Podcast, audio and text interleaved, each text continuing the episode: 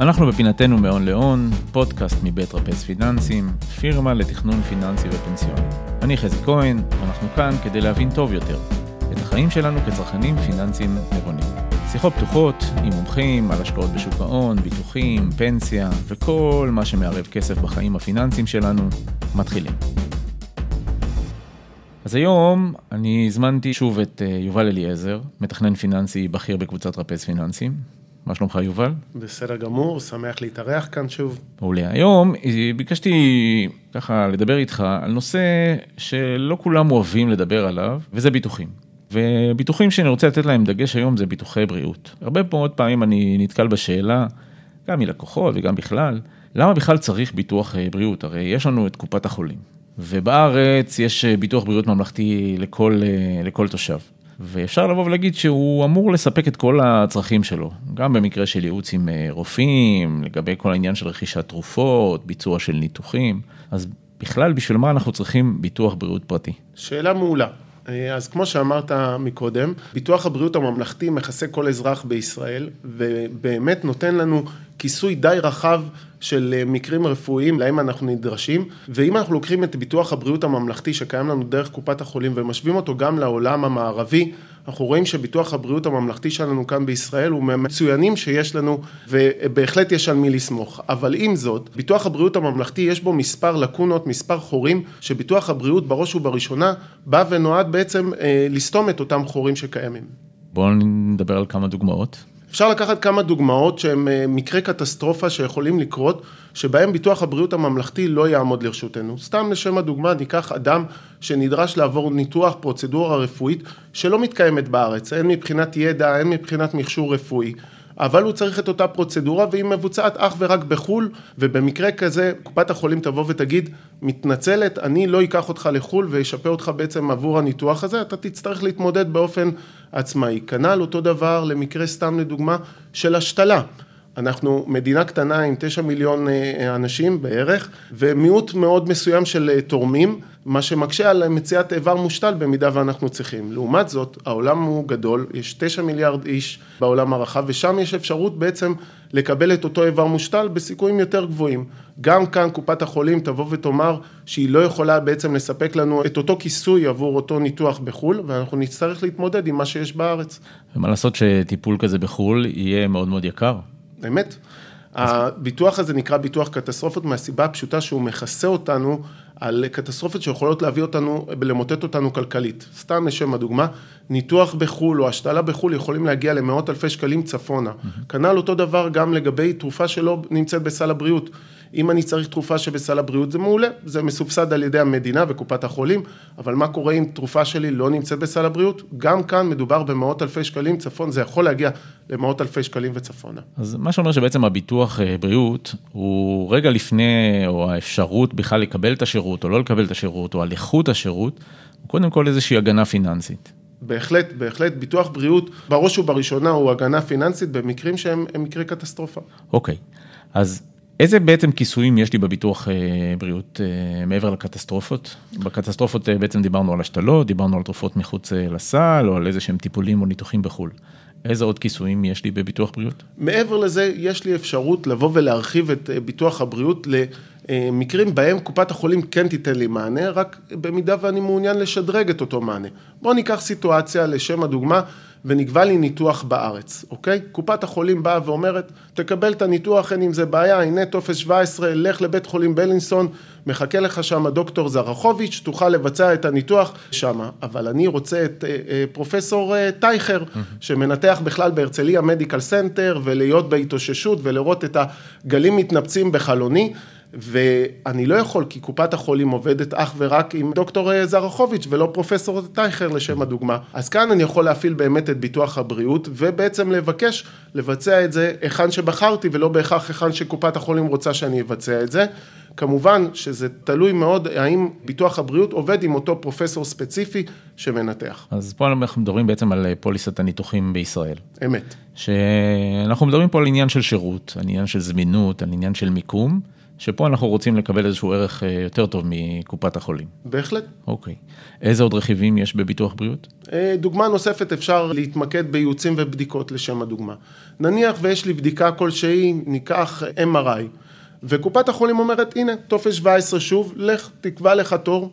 הבעיה היא שהתורים בדרך כלל הם יהיו לעוד חודשיים שלושה. במקרה הטוב. במקרה הטוב, ואני רוצה את זה לעוד יומיים שלושה ולא עוד חודשיים שלושה, אז אני יכול ללכת דרך ייעוצים ובדיקות, לעשות את זה באופן פרטי, ובעצם לקבל את חוות הדעת באופן אה, די מהיר לעומת קופת החולים, ואני אקבל החזר שיכסה את רוב עלות הבדיקה דרך הסעיף הזה של ייעוצים ובדיקות.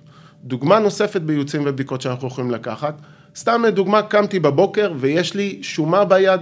ואני רוצה ללכת לפרופסור הכי טוב שיכול להיות, ולבדוק את אותה שומה, מה פשר השומה הזאת. וזה יכול להיות כל אירוע רפואי, אני סתם לוקח דוגמה. אני הולך ומתייעץ, לא עובר דרך קופת החולים, לא צריך לעבור דרך אישורים כאלו ואחרים, הולך ומתייעץ עם אותו פרופסור. לקבל הפנייה מרופא משפחה וכולי. בדיוק, שום דבר כזה, הולך, מתייעץ, מקבל החזר שיכסה את רוב העלות של אותו ייעוץ רפואי. מה זה רוב? בדרך כלל נהוג אה, עד 80 אחוז מעלות הביקור. כמה ייעוצים כאלה אני יכול לעשות בשנה? יש לי ברוב החברות בנק של 12 אלף שקל, שאני יכול לנצל אותו לבדיקות כמו MRI, CT, אולטרסאונד וכולי, וכנ"ל גם לגבי ייעוצים עם בדיקות. זה מעין איזה בנק שמתחדש אחת לשנה, כ-12 אלף שקל ברוב החברות. אוקיי. בוא נדבר על עוד כיסויים שיכולים להיות בביטוח. אפשר לקחת ביטוח בריאות להמון המון כיוונים ולבנות המון המון תוספות, בין אם זה ייעוץ עם רופאים מיוחדים, בין אם זה רופא אישי מלווה אותי במקרים אה, מיוחדים שאני מגיע לבית חולים וכהנה וכהנה.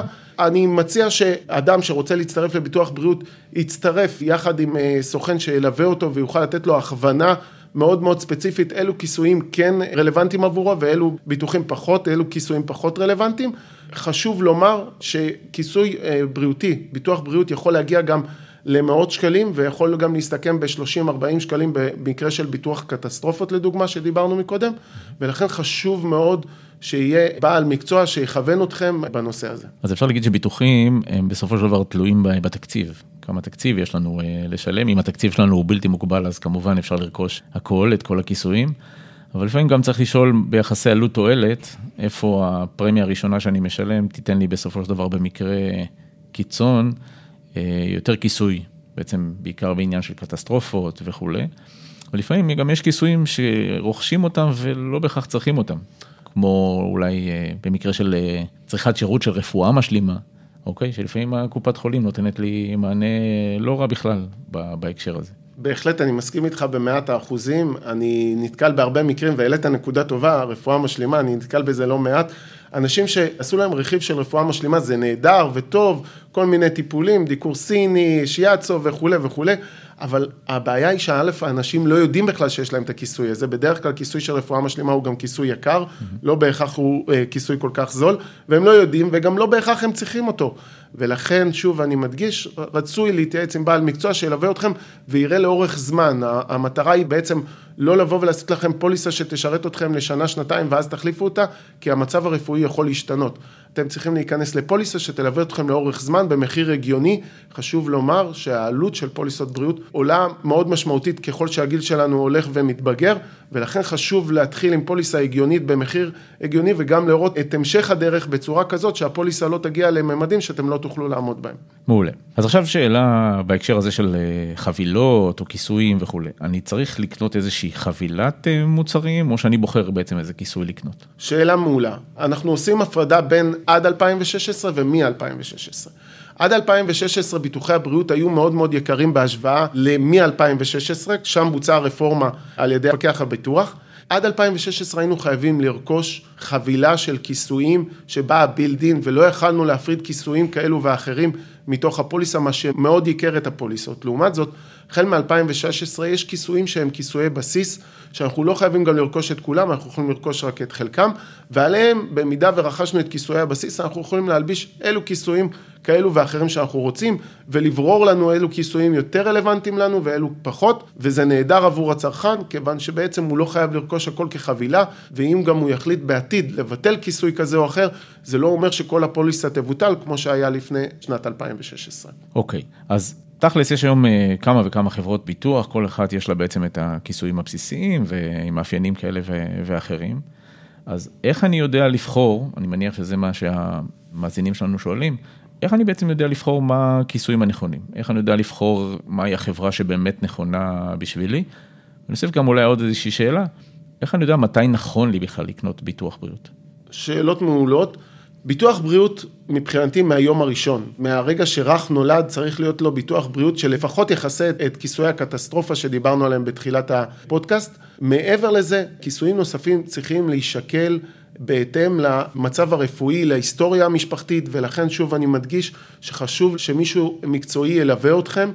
בנוגע לאיזה חברה לבחור, זה גם כאן עושים איזה הערכת סיכונים בהתאם לגנטיקה של המשפחה ובהתאם לכל מיני נקודות שהלקוח מעלה במהלך השיחה ורואים איזה כיסויים יש יותר סיכוי שאותו מועמד פוטנציאלי יצטרך ובהתאם לזה רואים איזה חברה תכסה בעצם את אותו סעיף בצורה הכי מקיפה והכי טובה.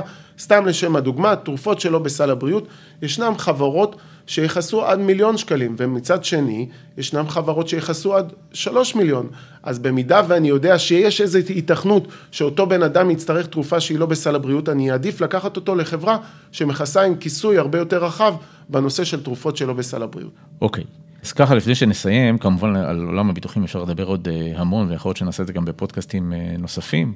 רכיבים נוספים של ביטוח שאפשר אה, לקנות, כמו ביטוח מחלות קשות, ביטוח סיעודי, אפשר, אי אפשר, איפה קונים. ביטוח תאונות אישיות שהיה אולי יותר, פחות פופולרי בשנים האחרונות. כמו גם שאלות, מה קורה עם הצהרת בריאות, צריך להצהיר, לא צריך להצהיר. העולם הזה הוא עולם מאוד מאוד רחב, וצריך גם להכיר את, את כולו.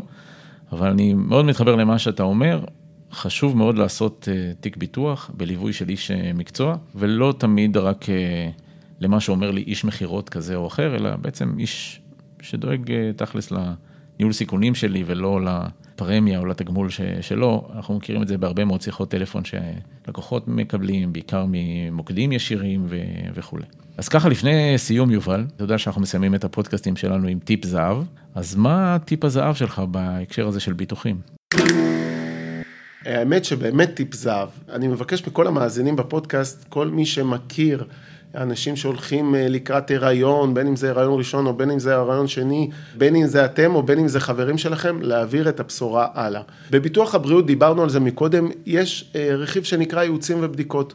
מלבד זה שהוא אה, נותן לי מענה בהתייעצויות עם רופאי מומחים כאלו ואחרים, או בהחזר על בדיקות שביצעתי, MRI וכולי, יש ברכיב ייעוצים ובדיקות כיסוי מאוד מאוד רחב בנושא של הריון ולידה. בין אם זה בדיקות של אה, סקר ראשון וסקר שני וסיסי שלייה, ובין אם זה החזר על מלונית וייעוץ הנקה וקורס הכנה ללידה ועוד ועוד וכהנה ודברים. אבל חשוב לומר שבייעוצים ובדיקות ברגע שאני מצטרף לכיסוי הזה, יש תקופת הכשרה, בעיקר בנושא של אה, חבילת הלידה. וחשוב להצטרף מוקדם ככל הניתן על מנת ליהנות מאותם כיסויים. זמן ההכשרה בדרך כלל הוא נע בין שלושה חודשים לתשעה חודשים ולכן בעצם אם יש כאן אנשים שמתכננים לידה ראשונה או לידה שנייה בעתיד הקרוב, רצוי להקדים ולרכוש את הכיסוי הזה. חשוב לומר שניתן לבטל את הכיסוי הזה מתי שרוצים, שוב אנחנו לא בחבילות כמו שהיה בעבר, אלא כל רכיב נרכש באופן עצמאי ולכן בעצם אפשר לבטל את זה ברגע שזה לא יהיה רלוונטי. מעולה ואולי אפשר גם להוסיף אה, לעניין של הריון ולידה גם מה מגיע אחר כך וזה כל מה שקשור להתפתחות הילד. בהחלט. אז בהתפתחות הילד כמובן שאפשר לקבל הרבה מאוד שירותים, שלבד עולה הרבה מאוד כסף אה, לצרוך אותם, ועם כיסוי אה, ביטוחי אפשר לחסוך הרבה מאוד כסף. מעולה, המון המון תודה יובל. בשמחה, בשמחה, שמחתי להיות כאן. אז אני מניח שעוד ניפגש בפודקאסטים נוספים. בשמחה. סיימנו, עוד פרק של מאון לאון, פודקאסט מבית רפז פיננסים. אפשר למצוא אותנו באפליקציות הפודקאסטים ובדף שלנו. תמצאו אותנו בקלות בגוגל ובפייסבוק, פשוט תקלידו טרפז פיננסים. חוץ מזה, כבר סיפרתם לחברים שלכם עלינו?